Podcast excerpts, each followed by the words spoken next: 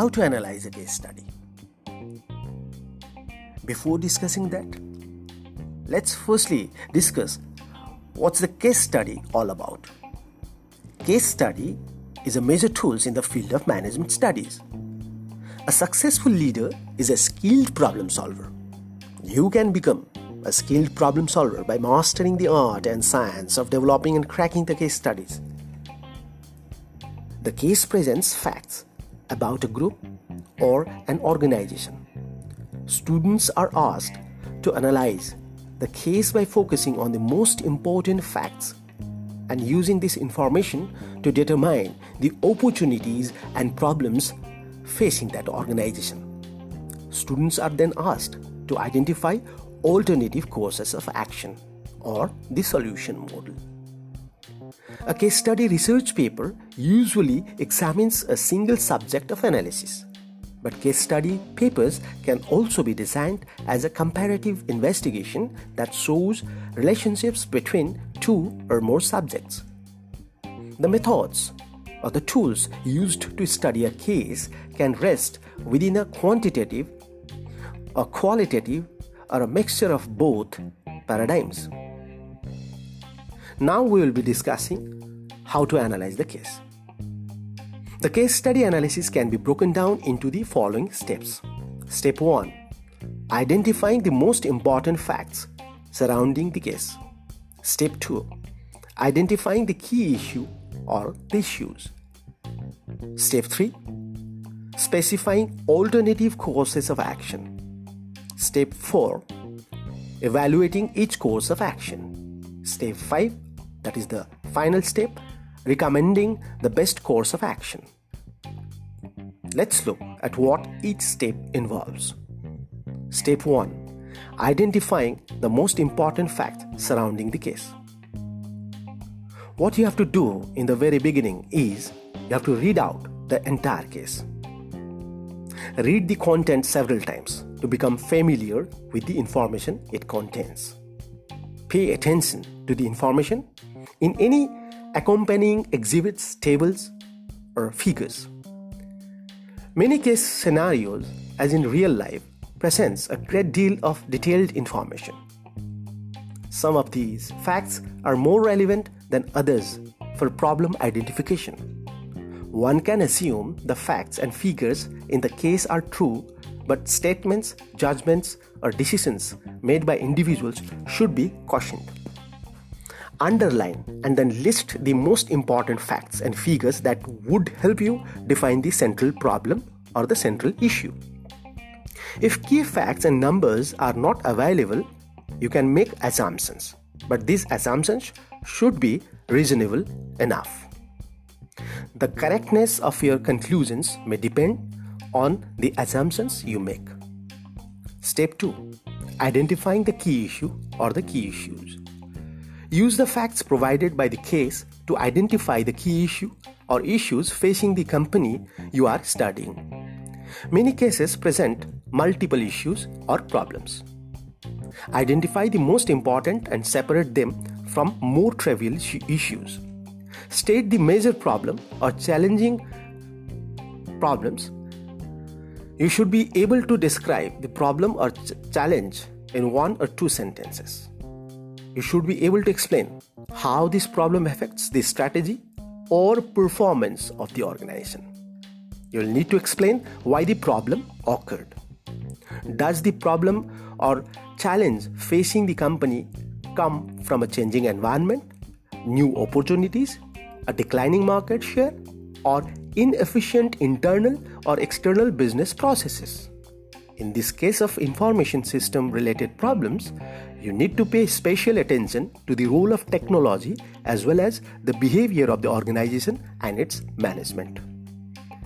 Problems in the business world typically present a combination of management, technology, and organizational issues.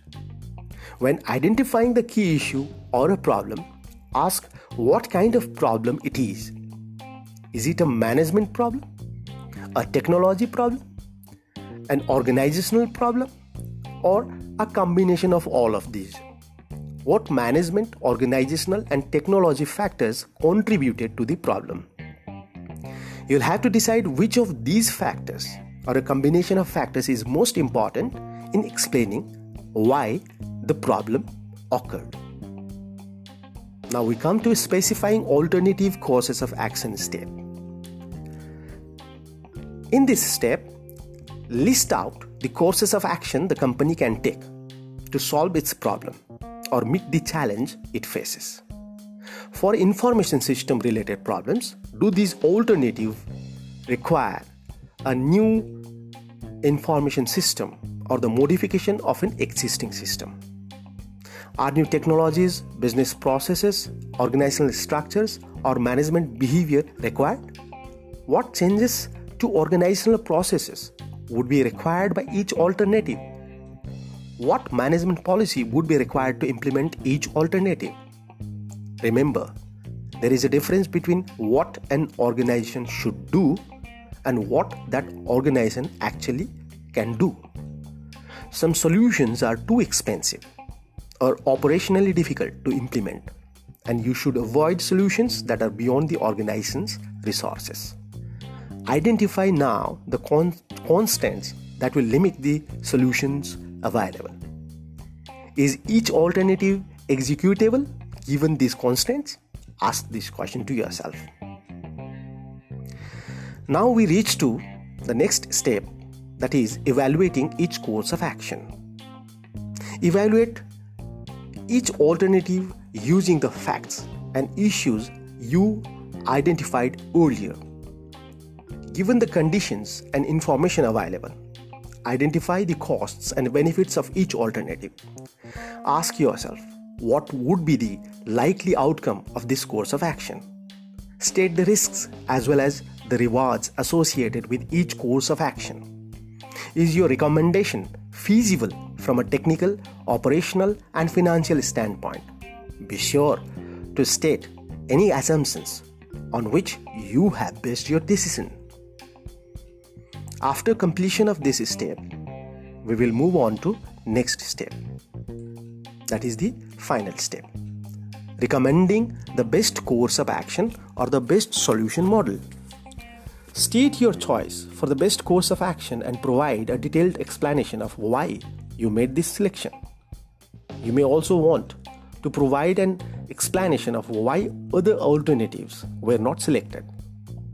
Your final recommendation should flow logically from the rest of your case analysis and should clearly specify what assumptions were used to shape your conclusion. There is often no single right answer, and each option is likely to have risks as well as rewards.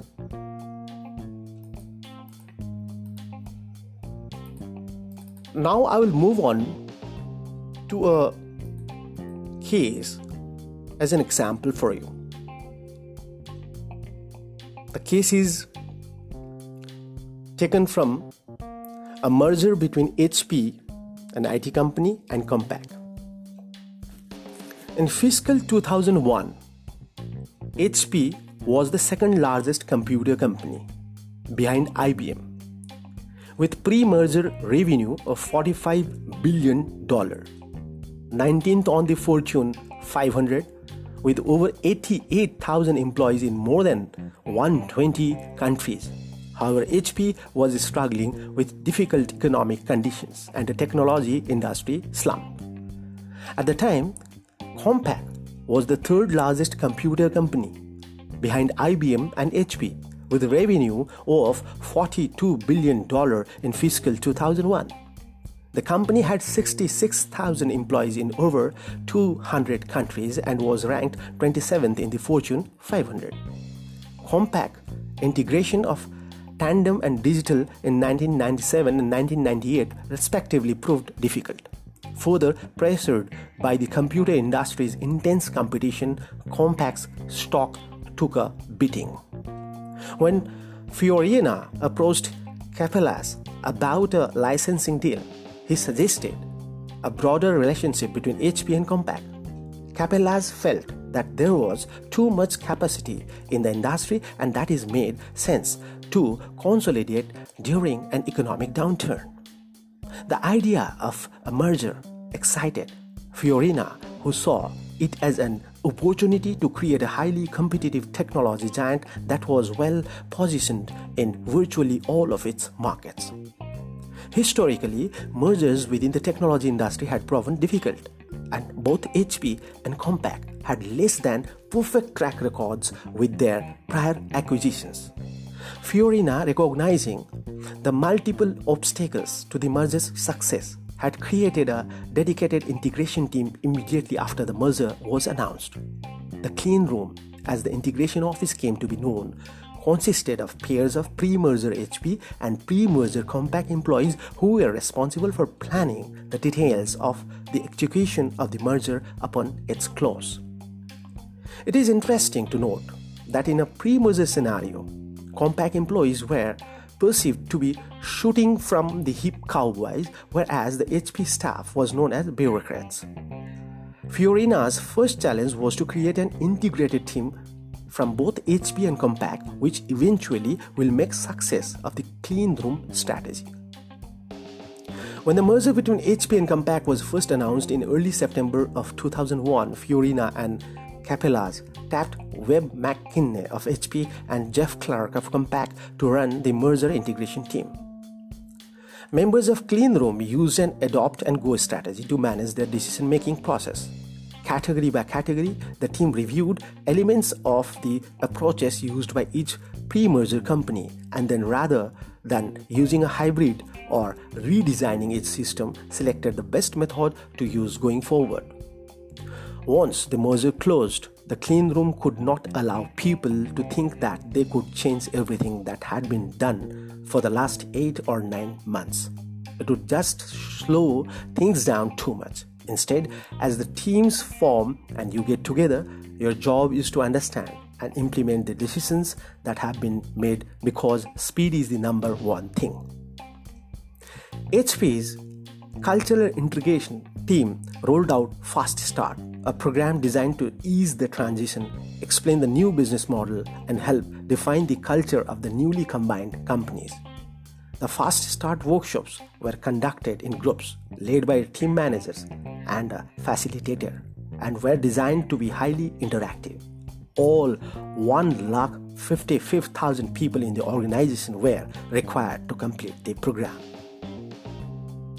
This is the entire case study story of HP Compaq merger in 2001.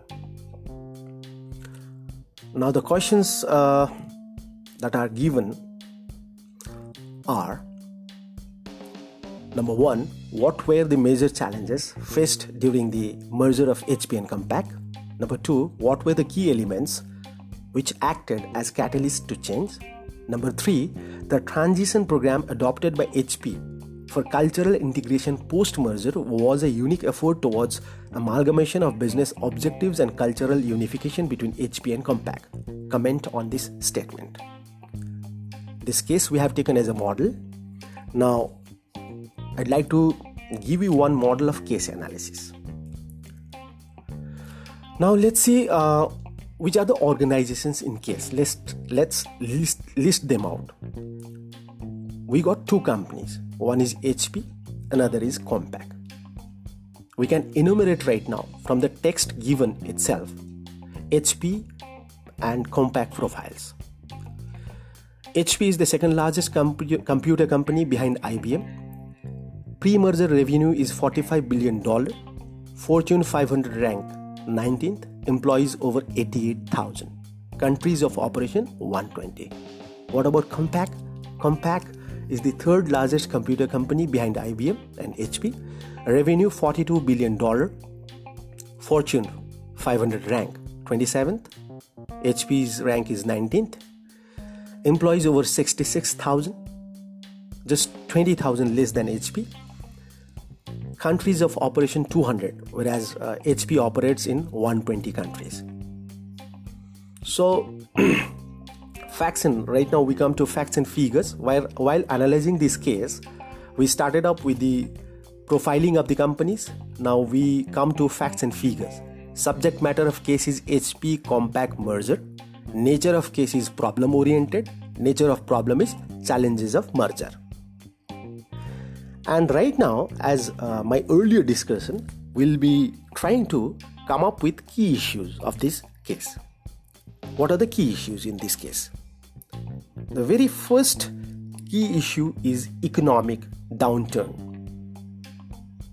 Next to it is intense competition in the computer industry, that is IT industry. Next key issue that we can take out from this case story is both HP and Compaq feel the heat of turbulent market dynamics. Next key issue that we can take out is mergers within the technology industry had proven difficult. Next key issue that we can take out is both HP and Compaq had imperfect track records.